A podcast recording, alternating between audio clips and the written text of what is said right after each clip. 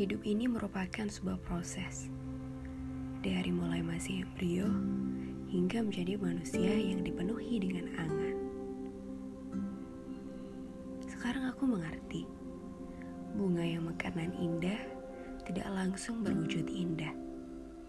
Bunga pun mengalami masa-masanya. Tumbuh, layu, dan mekar kembali. Aku ingin seperti bunga, mempunyai banyak warna, indah pada waktunya, dan sejuk dilihat mata.